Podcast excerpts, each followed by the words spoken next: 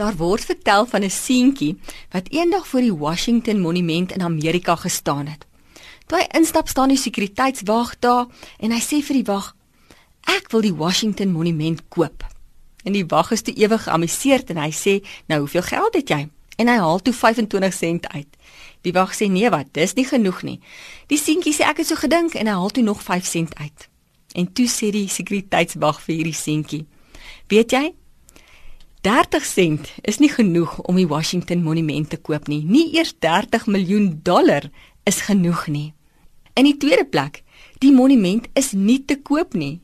En derdens, as jy 'n Amerikaner is, behoort die monument alreeds aan jou. Hierdie is ook so waar van God se genade.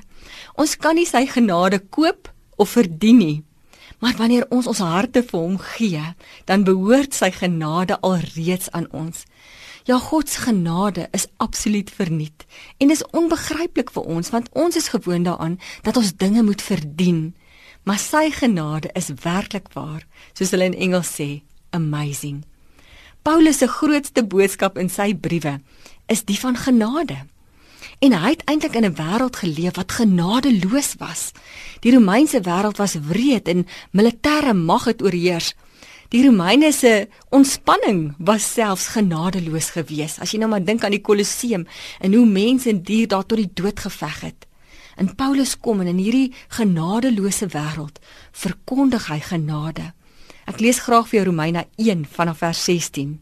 Ek skaam my nie oor die evangelie nie want dit is 'n krag van God tot redding van elkeen wat glo. In die eerste plek die Jood, maar ook die nie-Jood. In die evangelie kom juis tot openbaring dat God mense van hulle sonde vryspreek enkel en alleen omdat hulle glo.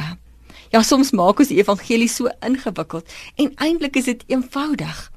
Jesus het jou skuld namens jou betaal. Beteken dit nou jy kan leef soos jy wil? Natuurlik nie. Dan trap ons op genade, dan maak ons genade goedkoop.